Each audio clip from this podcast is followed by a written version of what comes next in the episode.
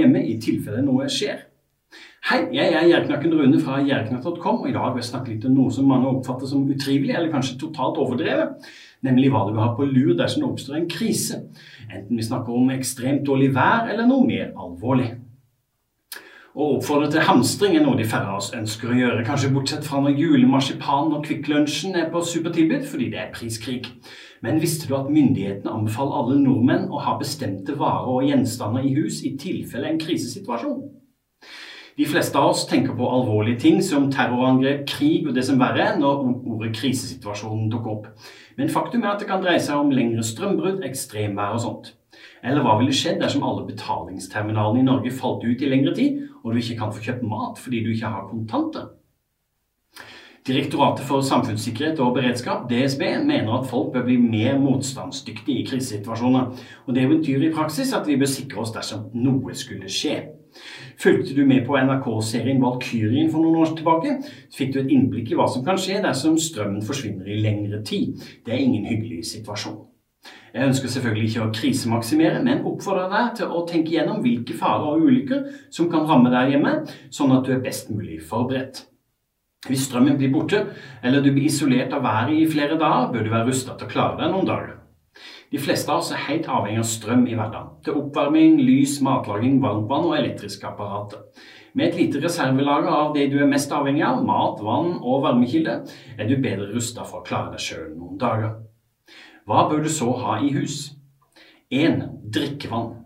Jeg sverger selvfølgelig til vann fra springen. Det smaker både godt og koster ikke all verden sammenlignet med det man kjøper i butikken. Men jeg har en femliterskanne stående i boden. I tillegg bor jeg sånn til at nærmeste bekk med drikkbart vann ikke er langt unna heimen.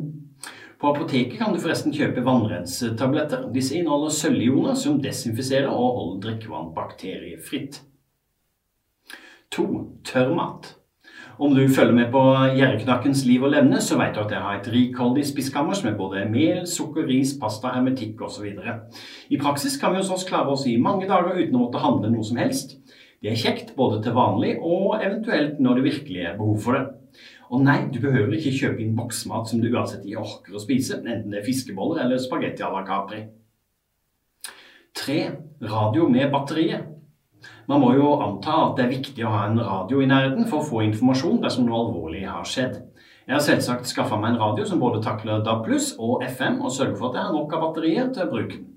Det sies at DAB-radio elsker å spise batterier, så husk for all del å ha mange nok på nødlageret ditt. De fleste av oss er i dag dønn avhengig av mobilen, og dagens smarttelefoner går fort tomme for strøm. Da er det kjekt å ha en nødlader i tillegg. Mulig du tror jeg er paranoid, men jeg har faktisk en annen telefon også som aldri er i bruk, og har lang batteritid. Man vet jo aldri. 4. Lommelykt. De fleste av oss har jo opptil flere lommelykter, men det er greit å vite at de funker. Kanskje du burde ha en ekstra lyspære liggende til lykta di? Og naturlig nok batterier også.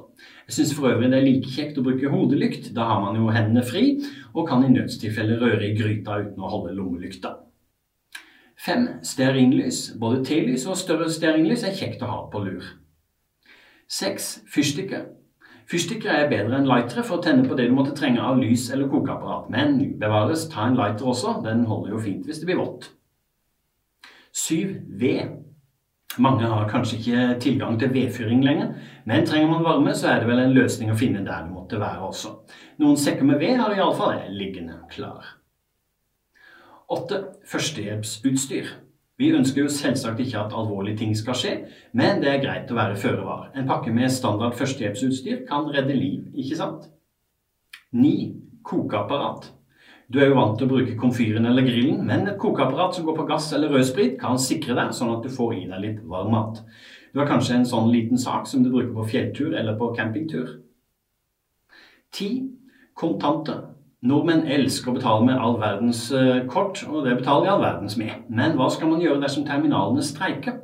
Enn så lenge er det smart å ha et lite lager av kontantpenger.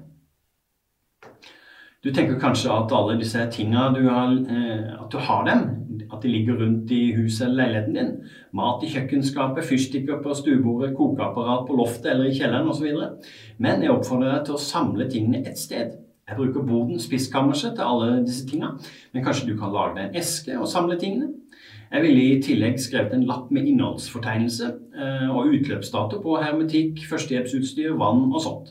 Sånne datoer behøver ikke interessere deg, men ved jevne mellomrom kan det være greit å bytte ut eller sjekke at alt er som det skal. Igjen, dette er ikke noe jeg gjør fordi jeg tror tredje verdenskrig er rett rundt hjørnet. Jeg tror faktisk at verden er mer stabil nå enn det noen gang har vært før. Men jeg vet også at vi gjør oss avhengig av moderne teknologi, og at det samtidig gjør oss sårbare. Så i tilfelle ullfille, som jeg sier, er det greit å sikre seg. Gjør det du også.